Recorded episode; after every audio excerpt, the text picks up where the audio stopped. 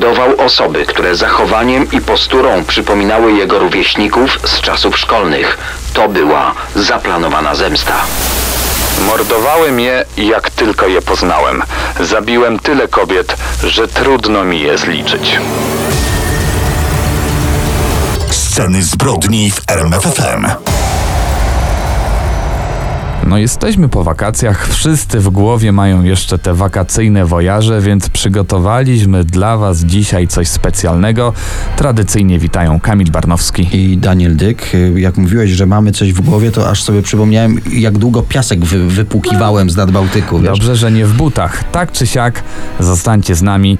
Przygotowaliśmy dla Was odcinek pod tytułem Autostrady Śmierci. Daniel Dyk i Kamil Barnowski prezentują Sceny zbrodni w RMFFM. Dzisiejsze spotkanie nazwaliśmy Autostrada Śmierci. No i od razu wyjaśnienie, bo po takim wstępie y, są tacy, którzy mogliby się spodziewać, że będziemy na Bliskim Wschodzie. Zgadza się, taka nazwa przylgnęła do drogi pomiędzy Irakiem a Kuwejtem tuż po I wojnie w Zatoce Perskiej. Na tej drodze zniszczono blisko 2000 irackich czołgów. Niestety, ofiary ludności cywilnej i żołnierzy na tej trasie również liczone są w tysiącach, a zdjęcia tej drogi obiegły cały świat. Ale dzisiaj w scenach zbrodni nie będziemy, to podkreślamy, rozmawiać o wojnie w Zatoce. Skupimy się na autostradach, które były niemym świadkiem zbrodni seryjnych morderców i brutalnych gangsterów.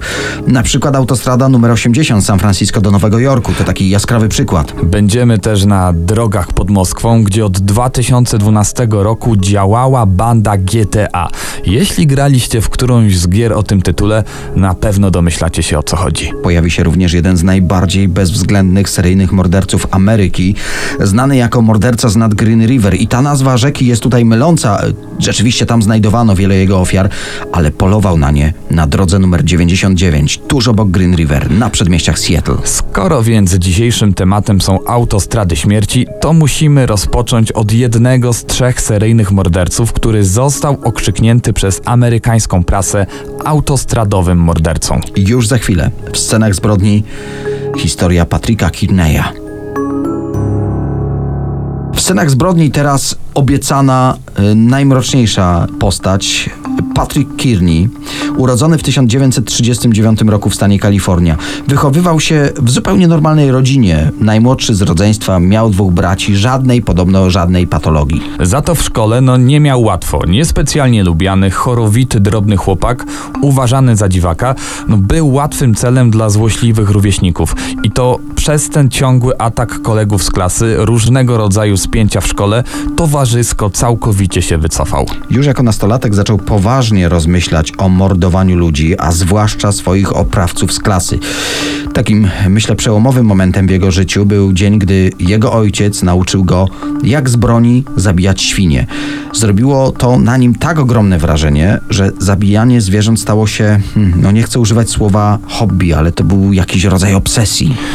Po ukończeniu szkoły wstąpił do armii, tam poznał Davida Hilla, swojego przyszłego partnera życiowego. Panowie zamieszkali razem w Culver City w Kalifornii, ale wróćmy jeszcze na chwilę do tej szkoły.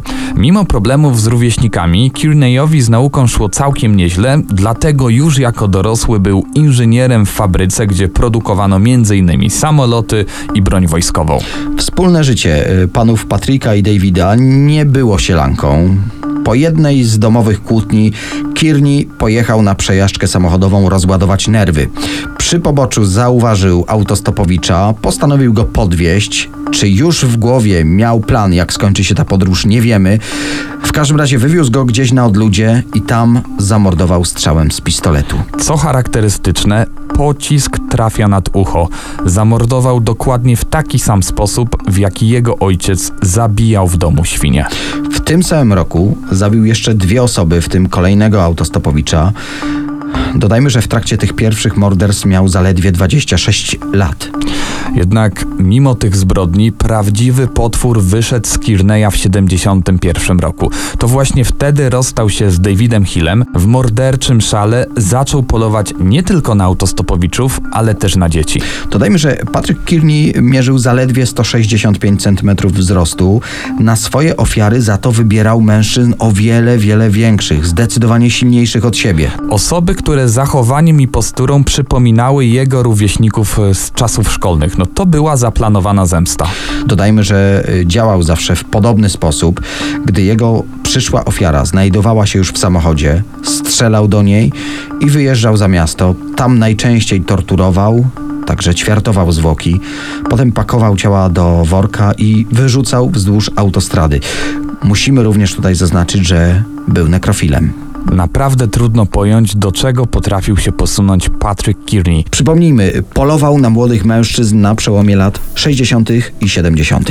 Policjanci w południowej Kalifornii co chwilę natrafiali na kolejne ciała porzucone wzdłuż autostrady. Sprawę tę zaczęto określać w mediach jako trash bag killer, morderca z worka na śmieci. Podkreślamy, wszyscy mężczyźni, którzy byli przez niego zapakowani w te worki, porzucani gdzieś e, na poboczu autostrady, byli nadzy. Wszyscy zginęli od strzału w głowę. Policja ustaliła jeszcze jedną cechę wspólną. Otóż większość mężczyzn było przedstawicielami społeczności homoseksualnej z Los Angeles. I tak dochodzimy do 13 marca 1977 roku. Ostatnie morderstwo Patricka Kearneya. Ofiarą seryjnego mordercy jest John Lamay. Kearney zaprasza mężczyznę do wspólnego oglądania telewizji i po chwili strzela do niego bez żadnego powodu. Ciało mężczyzny, tak jak zawsze, wywiózł na pustynię w okolicy autostrady. No właśnie przez to morderstwo śledczy wpadli na jego trop. Y, Ciało Lamaja zostało bardzo szybko odnalezione, zresztą jak sami słyszeliście, nie było ono specjalnie zakamuflowane. Więcej, znalazłem też informację, że ciało było ukryte w plastikowym worku, który pochodził z fabryki, w której pracował Kearney. tej od samolotów i produkcji broni. I funkcjonariusze odwiedzili jego dom, przesłuchali, a gdy tylko wyszli, Patrick Kearney i jego nowy, stary ukochany David Hill uciekli do Teksasu. Jednak ta ich ucieczka nie trwała zbyt długo. Po kilku tygodniach poddali się dokładnie 1 lipca 77 roku. Kearney przyznał się do ponad 30 morderstw, bo taka była umowa. Jeśli się przyzna, nie zostanie skazany na karę śmierci, a na tym mu zależało. No, jednak policja zdołała zgromadzić materiały dowodowe dotyczące 21 zbrodni, mimo że byli absolutnie pewni, że za pozostałe morderstwa również odpowiada Kearney.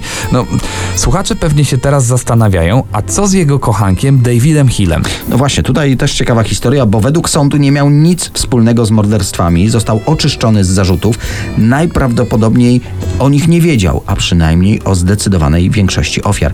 Patrick Kearney, dodajmy jeszcze, autostradowy morderca lub morderca z worka na śmieci, jak go nazywała prasa, obecnie ma 81 lat i odsiaduje wyrok w więzieniu stanowym Mull Creek w Kalifornii.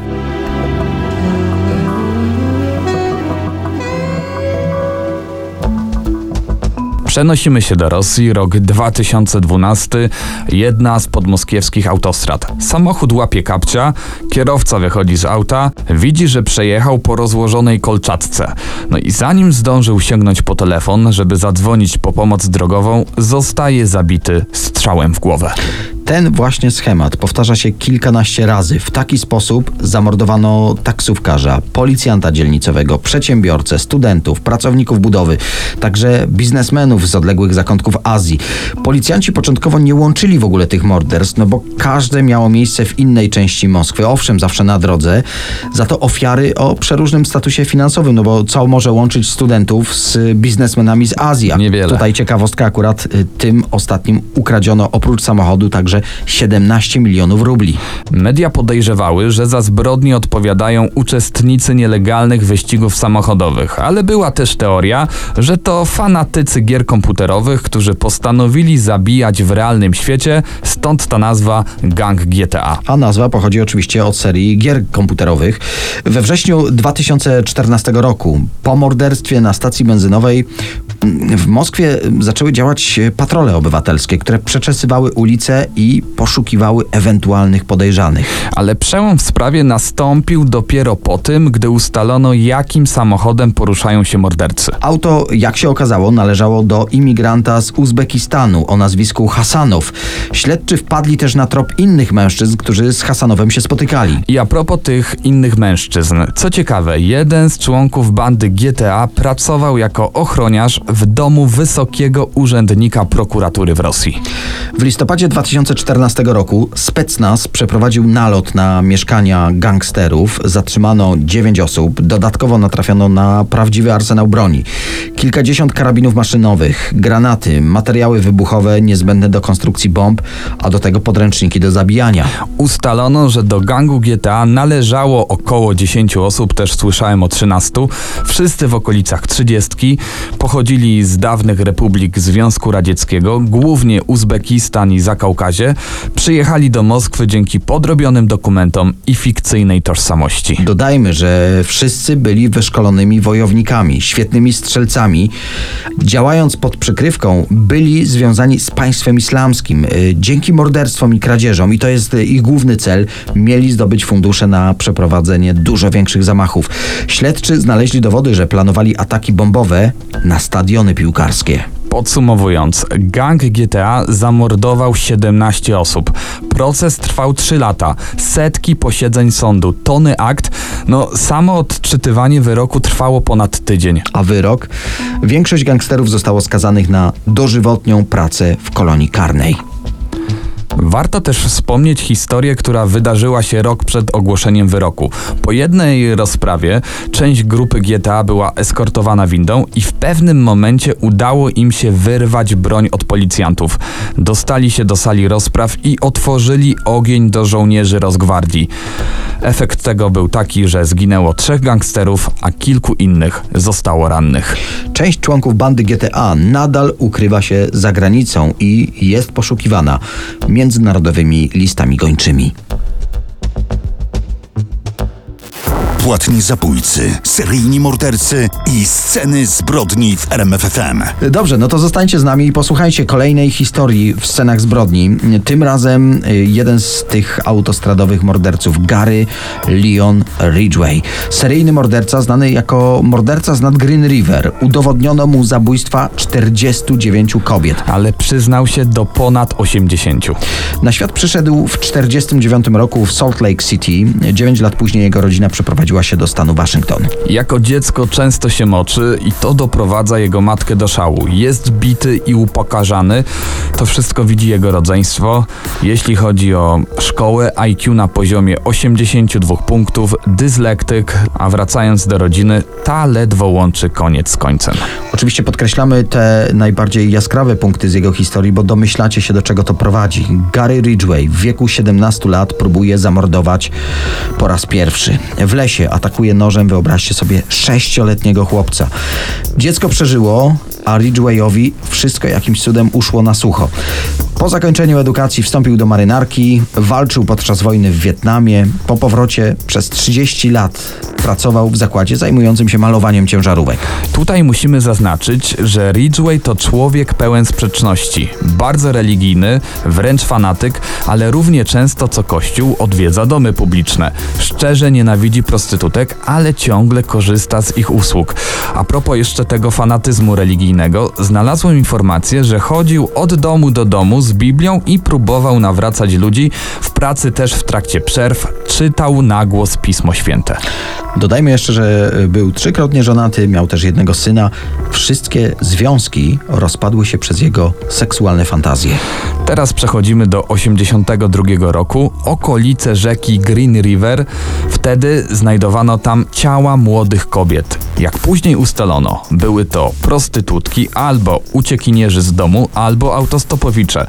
Generalnie młode kobiety, które plątały się koło drogi numer 99 na przedmieściach Seattle. Drogi pełnej tanich barów i hoteli dla podróżnych. Przeszukiwano lasy, przeszukiwano mokradła w okolicach Green River. E, Zamordowanych kobiet przybywało.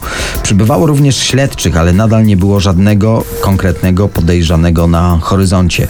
Wiele wątków, e, wiele tropów, ale żaden nie prowadził do Garego Ridgwaya. A jak się pewnie domyśliliście, to on odpowiadał za te morderstwa.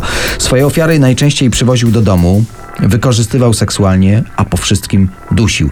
Dodajmy też, że kompletnie nie przykładał y, uwagi do ukrywania zwłok. Ciała po prostu zostawiał gdzie popadnie. Powtórzmy, między 82 a 84 rokiem w stanie Waszyngton masowo znajdywano ciała kobiet. Większość z nich to prostytutki, ofiary były w wieku od 12 do 31 lat. Nie wiem, czy to nie największy dramat tej sprawy. Morderca odpowiadający za te wszystkie zbrodnie był na liście podejrzanych od samego początku śledztwa. Problem polegał na tym, że ta lista podejrzanych była bardzo długa, ale to właśnie jego samochód był widywany w miejscach, w których porywano prostytutki. Wspominaliśmy, że często korzystał z ich usług, ale mimo bardzo niskiego IQ zawsze miał doskonałe alibi.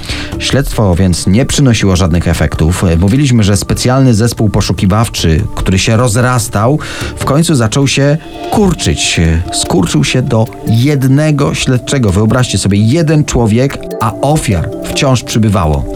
Sprawa utknęła więc w martwym punkcie i swoją pomoc zaoferował inny seryjny zabójca Ted Bundy.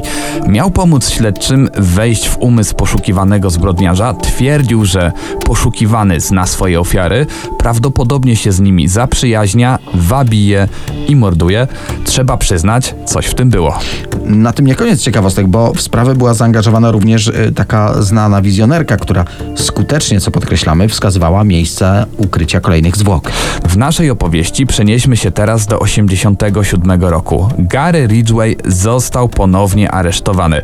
Nawet policjanci przeszukiwali jego dom. Zdobyli jego próbki włosów, śliny, ale nie było żadnych dowodów, które w jakiś sposób go obciążały, więc został zwolniony. Podkreślamy, to nie był pierwszy raz. Wielokrotnie był zatrzymywany i niestety wypuszczany. Był absolutnie pewny, że zdobył jakiś patent na śledczych, że, że gra z nimi z wymiarem sprawiedliwości w grę na swoich zasadach. Wszystko zmieniło się 10 września 2001 roku dzięki badaniom DNA. To jest wtedy nowa technologia, która, która zaczęła dopiero być stosowana w kryminalistyce. Wynik pobranych próbek włosów z 87 roku i śladów z ciał ofiar był jednoznaczny. Seryjnym mordercą jest z całą pewnością Gary Ridgway. Finalnie przyznał się do 49 zabójstw i to szczególnie bulwersujące. Czasami używał zdjęcia swojego syna, żeby zdobyć zaufanie przyszłych ofiar. Gary Ridgway, często nazywany najgroźniejszym bandytą w historii USA, został skazany na 49-krotne dożywocie za każde z dokonanych morderstw. Trakcie jednego z przesłuchań powiedział: Zazwyczaj zabijałem je, jak tylko je poznałem, i za bardzo nie pamiętam ich twarzy. Zabiłem tyle kobiet, że trudno mi je zliczyć.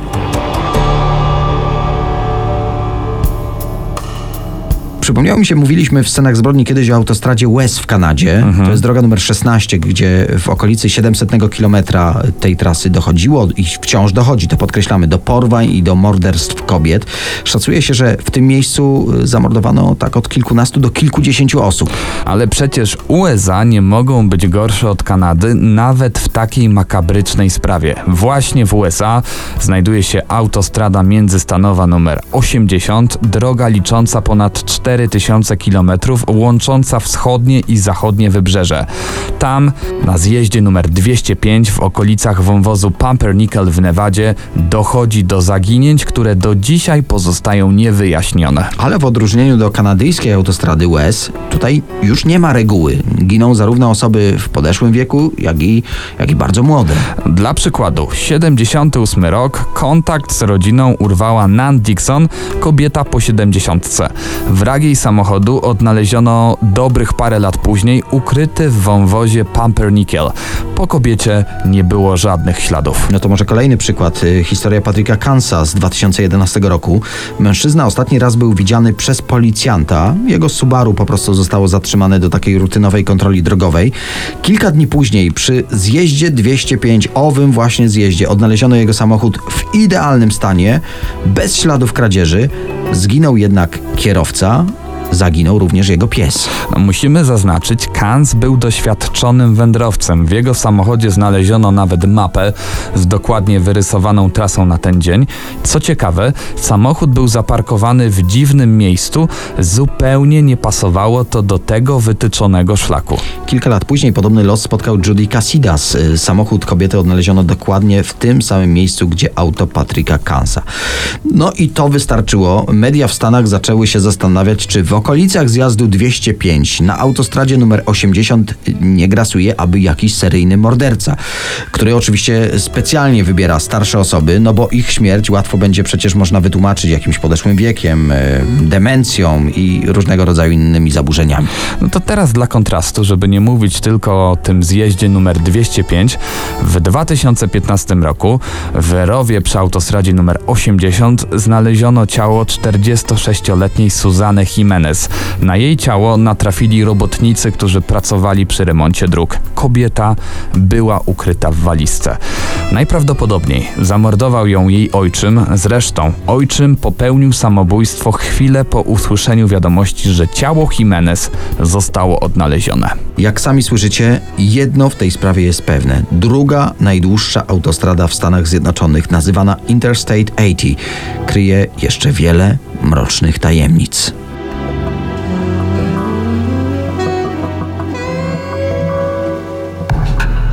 Komentarzach, wiadomościach i mailach dajecie nam znać, że lubicie posłuchać scen zbrodni w drodze, więc y, mam prośbę, zajrzyjcie na Instagrama i wrzućcie zdjęcie, jak słuchacie podcastu Sceny zbrodni w trasie.